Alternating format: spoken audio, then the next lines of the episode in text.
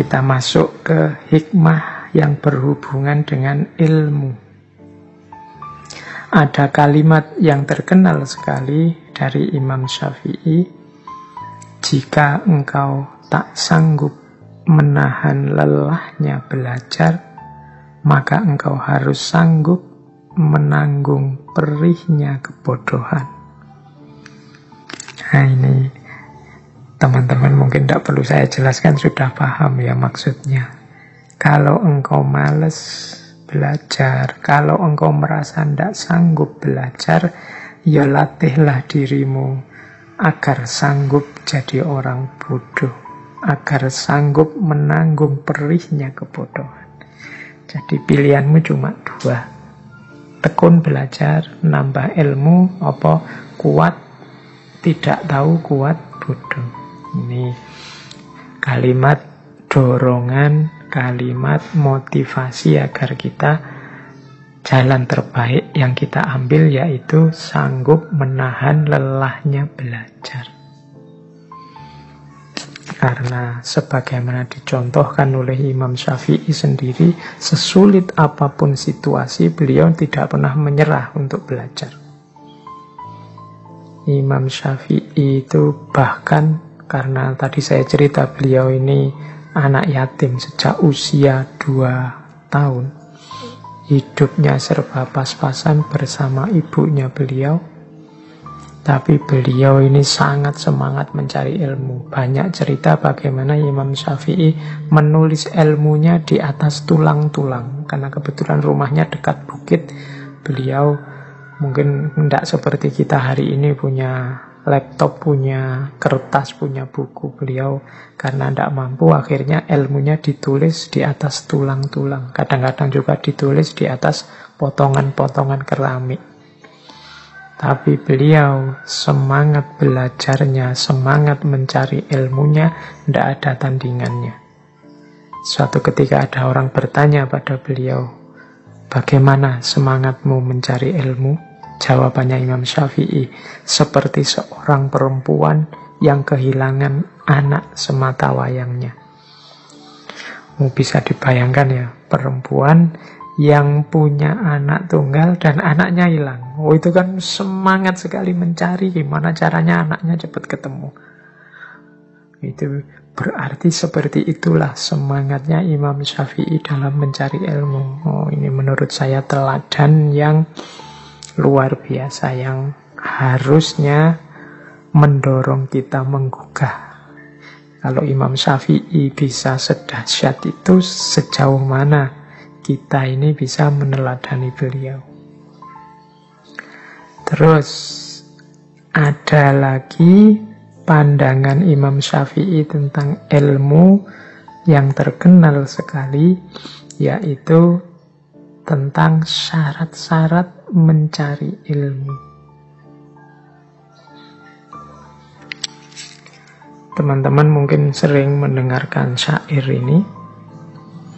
Jadi ada enam syarat demi kita mencari ilmu. Syairnya ala la tanalul ilma illa bisyittatin saumbika an majmu'iha bibayanin zukain wa hirsin wastibarin wa bulwatin wa irsyadu ustadin wa tuli zamanin Sesungguhnya engkau tidak akan memperoleh ilmu kecuali dengan enam hal, dengan bekal enam hal. Akan aku kabarkan secara ringkas keterangannya. Zukain atau kadang dibaca zakain. Kecerdasan. Wahirsin semangat kesungguhan. Wastibarin kesabaran. Wabulwotin modal. Mau keluar modal. Wa irsadu ustadin ada petunjuk dari guru watuli zamanin memerlukan waktu yang panjang. Nah, ini kunci bagi teman-teman semua untuk mencari ilmu. Tidak perlu saya jelaskan apa gunanya ilmu, apa manfaatnya ilmu, bagaimana ilmu itu kunci dalam hidup ini. Insya Allah teman-teman sudah ngerti semua dan untuk memperoleh ilmu itu kita harus menyiapkan diri kita kita harus mau menyediakan enam modal, enam hal. Yang pertama kecerdasan. Jadi kita, yo, saya menerjemahkan kecerdasan itu bukan level IQ, tapi kecerdasan di sini dalam arti mau berpikir. Jadi mencari ilmu itu yo harus mau mikir, mau menganalisis, mau menalar. Kemudian khirsin. Khirs itu semangat, sungguh-sungguh, ndak iseng, ndak asal. Tidak menganggap ilmu itu sesuatu yang ya kalau dapat ya nanti dianugerahi dapat ya dapat, kalau dianugerahi ndak dapat ya ndak dapat oleh Allah. Itu serahkan pada Allah kita dapat apa tidak tapi kita harus sungguh-sungguh semangat. Setelah itu wastibarin. Wastibarin ini sabar. Ya butuh kesabaran. Tidak terburu-buru. Tidak membaca kitab satu dua berguru sekali dua kali sudah merasa hebat merasa besar ingin menaklukkan yang lain butuh proses yang panjang. Wastibarin, harus sabar. Wabulwatin, perlu modal. Ya modal macam-macam, bisa modal harta, bisa modal tenaga, bisa modal waktu. Pokoknya buluhoh itu modal. Ya intinya ya modal. Harus mau kehilangan sesuatu mungkin kehilangan uang untuk beli kertas, kehilangan uang untuk beli alat tulis, kehilangan waktu untuk bermain, kehilangan itu modal. Terus wa irsyadu ustadzin, petunjuk guru. Jadi ya harus mau belajar dari orang yang lebih ngerti, harus minta petunjuk pada orang yang lebih tahu, lebih mendalami sebelumnya. Itu irsatu ustadzin. Dan waktu li zamanin, waktu li zamanin ini waktu yang lama. Jadi ini hubungannya dengan sabar tadi. Butuh waktu. Jangan terburu-buru.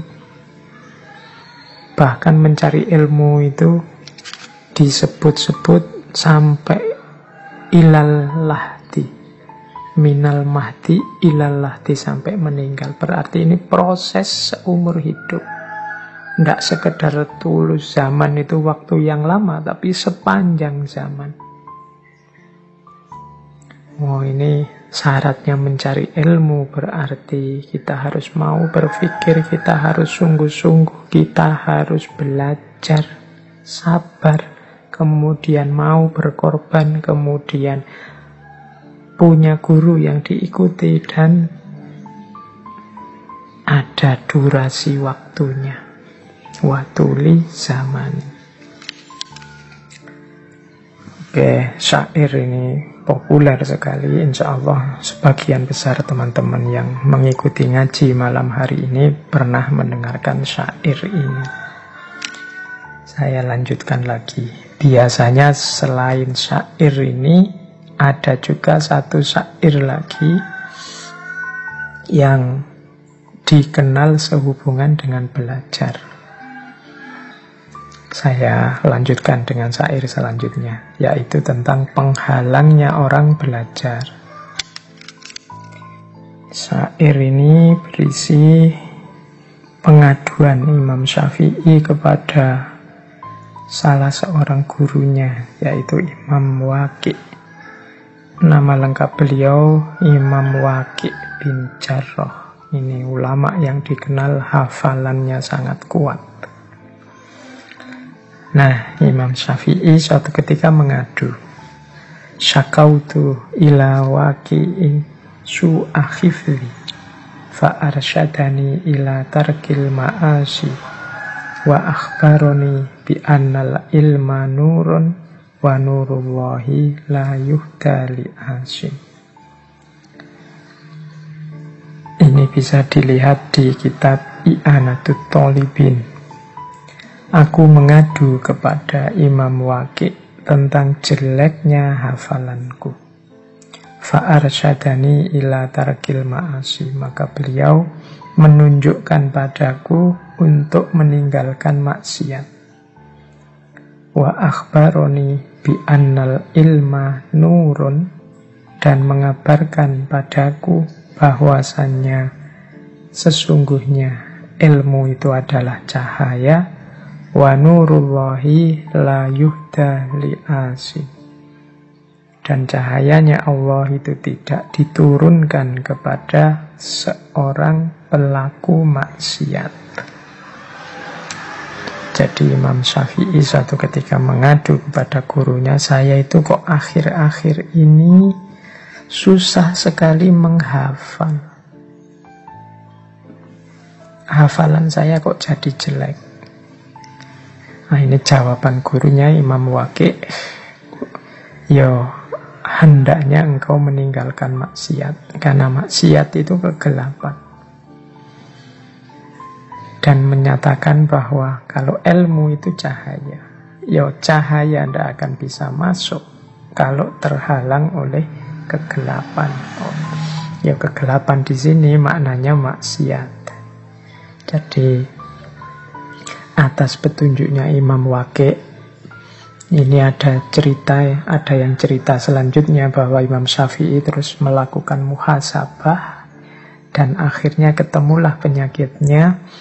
Jadi ada satu cerita, satu hari Imam Syafi'i ini secara tidak sengaja jadi beliau ini sedang ada di luar di jalan terus ada perempuan mau naik ke atas kendaraan. Nah ini secara tidak sengaja bajunya yang bawah tersingkap sedikit. Nah ini Imam Syafi'i pas melihat itu. Ya meskipun langsung berpaling, langsung istighfar. Dan menurut Imam Syafi'i inilah yang mengganggu sehingga susah menghafalkan. Ada maksiat.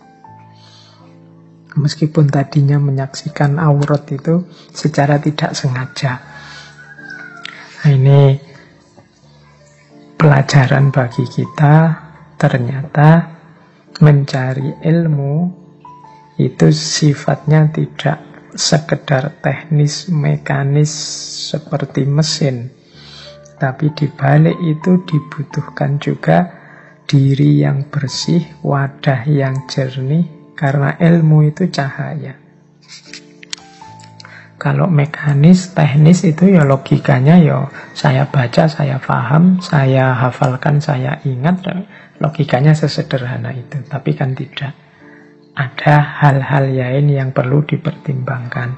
Makanya seperti Imam Malik minggu lalu kan ya sebelum belajar ilmunya dibereskan dulu akhlak dan adabnya, dibersihkan dulu jiwanya. Karena ilmu itu tidak sekedar hafalan, tidak sekedar memasukkan pengetahuan, tapi dia adalah cahaya yang nantinya kita juga punya tanggung jawab untuk mencahayai sekeliling kita. Jadi kita butuh enam hal untuk menempuh jalan ilmu dan kita juga harus hati-hati terhadap penghalangnya ilmu yang namanya maksiat. Oke, kita lanjutkan. Dari ranah ilmu ada juga pandangan-pandangannya Imam Syafi'i tentang debat. Jadi Imam Syafi'i termasuk ulama yang tidak ingin, tidak suka debat yang sembarangan. Perbantah-bantahan yang tidak produktif, yang tidak konstruktif, yang hanya menghasilkan konflik, hanya nambah musuh. Katanya Imam Syafi'i, termasuk menghinakan ilmu yaitu berbantah-bantahan dengan setiap orang yang membantahmu dan berdebat dengan setiap orang yang mendebatmu. Jadi, bagi Imam Syafi'i, ya tidak semua tantangan debat harus dilayani. Tidak semua bantahan harus dijawab dengan bantahan. Nanti lahirnya berbantah-bantahan. Kadang-kadang kalau setiap kritik, setiap debat kita layani, hasilnya tidak produktif, bahkan malah menghinakan ilmu. Menjatuhkan status ilmu. Membuat orang kadang-kadang yang dikejar hanya menangnya saja. Kalau sudah menangnya saja, benar dan baiknya tidak jadi fokus lagi. Saya tidak tahu pernah tidak teman-teman diskusi atau debat saking semangatnya biar menang, terus mengajukan segala cara biar menang. Mungkin sedikit-sedikit ditambahi bohong, sedikit-sedikit ditambahi sumpah, sedikit-sedikit ditambahi pelintiran-pelintiran data, dan lain sebagainya.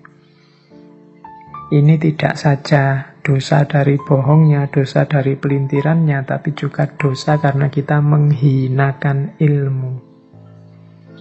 Jadi menghinakan ilmu itu memposisikan ilmu sebagai rendah karena kita lebih menomorsatukan kemenangan kita dalam berdebat, dalam berbantahan. Makanya harus hati-hati.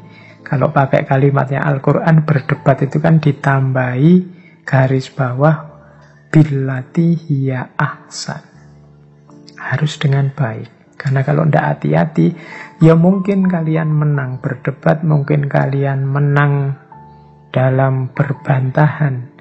Tapi yang kalian dapat hanya dosa dan kehinaan. Karena kalian menghinakan ilmu. Jadi Imam Syafi'i menyarankan ya tidak semua yang mengajakmu berdebat harus dilayani, harus dilateni. Ikuti dan lakukan debat yang baik, debat yang produktif. Selanjutnya Imam Syafi'i juga menyatakan aku tidak pernah berdialog dengan seseorang dengan tujuan aku lebih senang jika ia berpendapat salah. Jadi kalau kita memang harus berbantahan, berdebat, berdialog dengan orang, fokus dan tujuannya tetap hanya kebenaran dan ridhonya Allah, bukan menang kalah. Di kalimatnya Imam Syafi'i yang terakhir ini kan banyak orang debat yang tujuannya biar aku menang dan aku seneng kalau lawanku ternyata salah. Aku seneng kalau musuhku berpendapat salah. Jadi gembira di atas salahnya orang lain, gembira di atas kekeliruannya orang lain. Nah ini diingatkan oleh Imam Syafi'i karena beliau sendiri tidak pernah berdialog dengan visi, dengan misi semacam itu.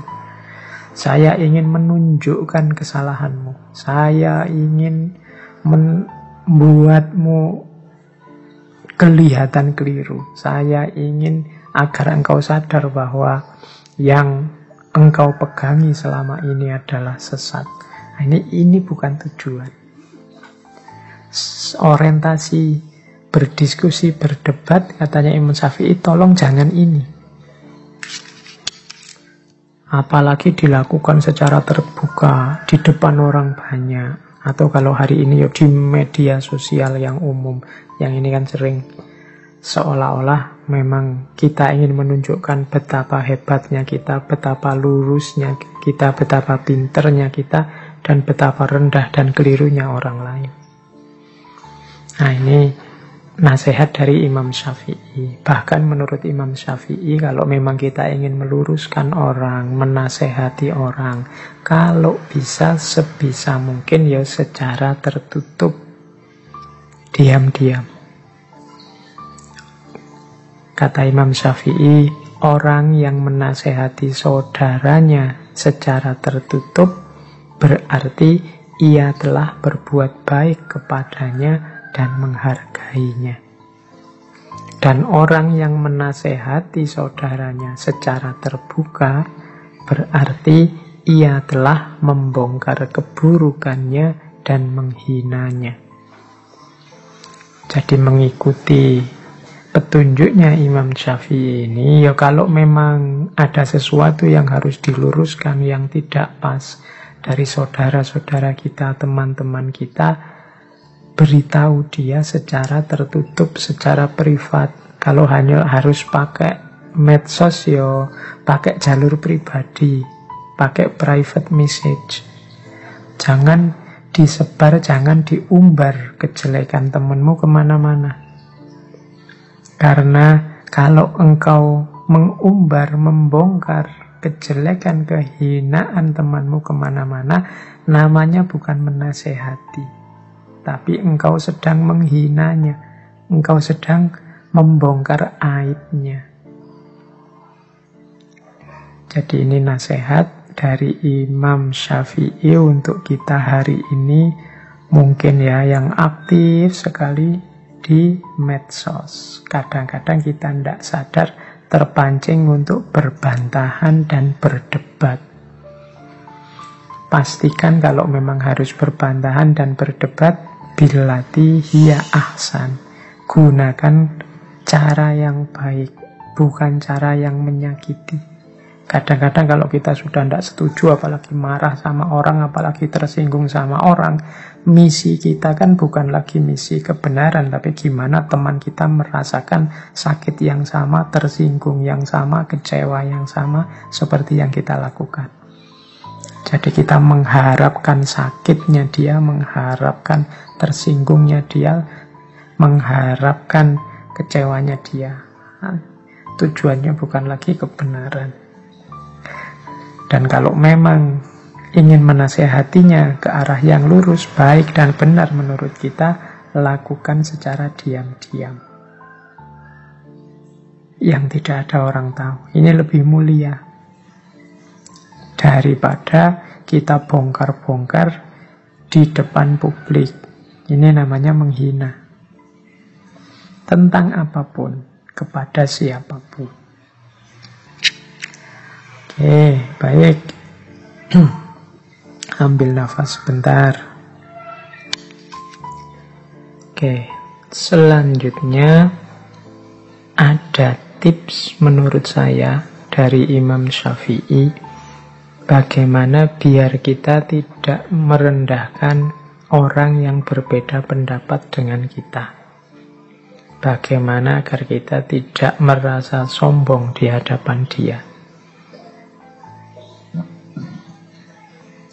Ada satu adagium yang terkenal sekali dari Imam Syafi'i, yaitu pendapatku benar namun mengandung kemungkinan salah.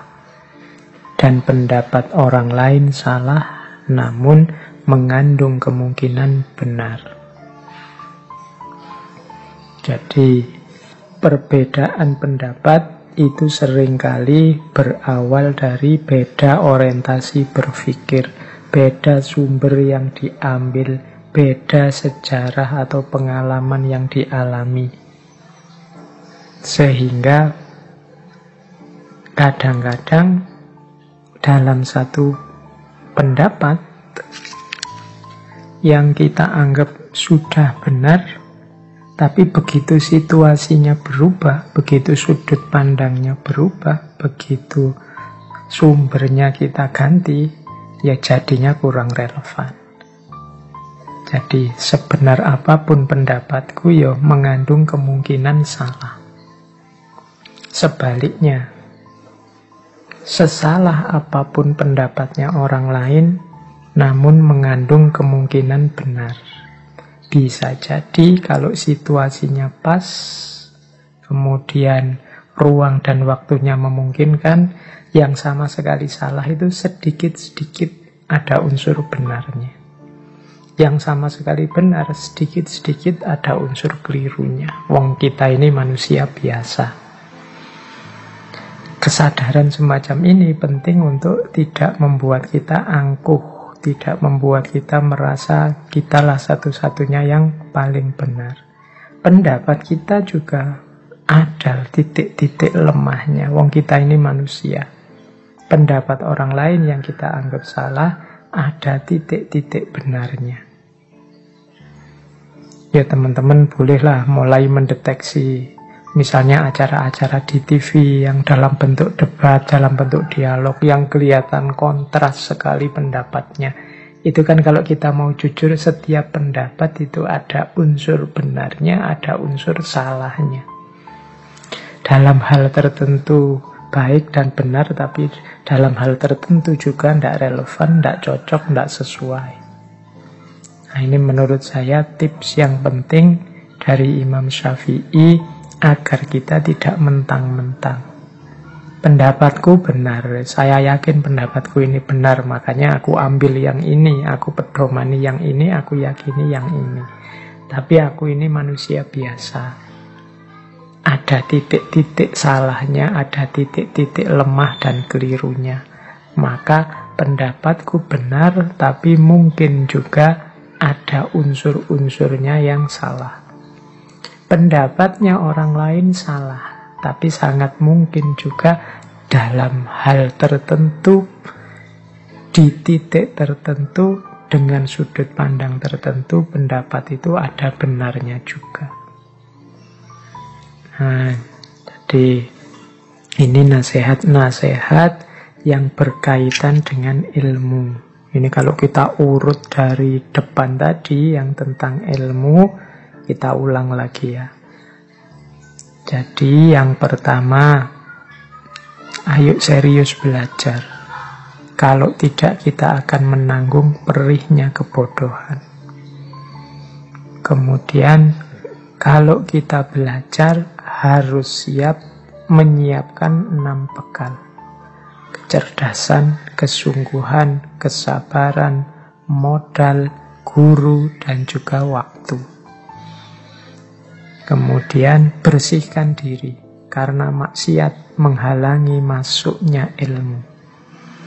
Nah, kalau tadi yang enam tadi bekalnya, yang maksiat ini penghalangnya yang harus dihindari. Terus kalau memang harus diskusi, berdialog, berdebat, lakukan dengan baik.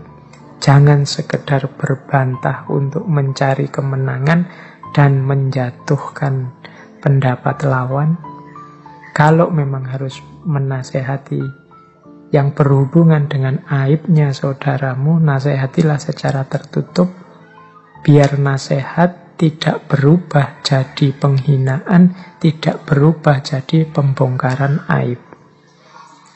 Kemudian yang terakhir dalam ranah ilmu, Yakinilah bahwa pendapatmu yang benar, makanya engkau harus yakin, tapi juga sadarilah dalam pendapatmu sangat mungkin ada kemungkinan-kemungkinan keliru. Engkau pasti juga yakin pendapatnya orang lain itu salah, tapi siapa tahu ada titik-titik tertentu dalam pendapat orang lain itu yang benar. Oke, jadi ini hikmah di ranah ilmu. Kita lanjutkan sekarang hikmah di ranah sosial. Hubungan dengan orang lain. Ada beberapa wasiat dan nasihat dari Imam Syafi'i yang menurut saya penting dalam rangka berhubungan dengan manusia yang lain. Ini Semoga yang saya pilih ini hal-hal yang relevan untuk hidup kita hari ini. Ini kan hari-hari ini kita mulai agak panas, agak sering tabrakan, konflik pikiran, apalagi di medsos itu kencengnya luar biasa. Semoga tidak merantak, semoga tidak apa meluas ke ranah real. Biarlah dunia maya saja yang rame, dunia nyata kita dunia yang damai, yang rahmatan lil alamin. Oke, ada beberapa tips dari Imam Syafi'i sehubungan dengan hal ini. Hubungan dengan manusia yang baik. Katanya Imam Syafi'i, siapa yang menginginkan husnul khotimah di penghujung umurnya, hendaklah ia berprasangka baik kepada manusia. Husnudzon. Nah ini jadi kunci hidup tentram. Ya kalau hidup kita tentram kan husnul khotimah. Jadi kuncinya ternyata husnuzon, prasangka baik kepada orang lain. Saya tidak tahu hari ini situasi dunia kontemporer itu sering menyeret kita untuk berprasangka buruk pada orang lain. Di luar rumah kita lebih sering merasa tidak aman dan tidak nyaman dari hadirnya orang lain. Ini membuat hidup kita tidak tentram. Maka katanya Imam Syafi'i, prasangka baik itu jadi kuncinya husnul khotimah. Kadang-kadang kita melihat teman kita melakukan apa gitu kan. Ya itu sebenarnya yang dia lakukan itu biasa. Tapi kan nilainya jadi positif apa negatif kadang-kadang tergantung prasangka kita ada temenmu tiba-tiba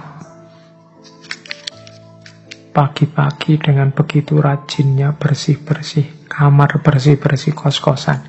Loh ini kan sebenarnya hakikat perbuatannya baik, tapi kadang-kadang pikiran kita itu membunyikannya secara berbeda. Orang yang perspektifnya suudon, ya mungkin Allah cari muka, Allah ada pamrihnya itu. Allah hati-hati saja mungkin dia ingin ngelirik-ngelirik di kamar-kamar kita ada apa dan seterusnya. Ini namanya prasangka buruk. Bahkan tindakan yang baik sekalipun ya kalau pikiran kita suudzon ya kita bunyikan dia jadi jelek. Jadi suudzon itu kan menggunakan kacamata buruk sehingga apa pun akan kelihatan buruk bahkan yang baik-baik. Ada temenmu tiba-tiba rajin ke masjid, ya engkau melihatnya Allah pencitraan, Allah itu tobat yang terlambat itu Allah macam-macam. Jadi begitu kacamata yang kita pakai adalah kacamata kebencian, kacamata suudon, maka apa pun yang terlihat akan berbunyi buruk dan layak kita benci. Tapi kalau kita balik, kacamata yang kita pakai adalah kacamata kasih sayang, kacamata rahmat. Maka apa pun yang kita lihat akan membuahkan cinta, kasih sayang, dan ketentraman. Sehingga katanya Imam Syafi'i kalau ingin husnul khotimah ya hidupkan lagi prasangka yang baik.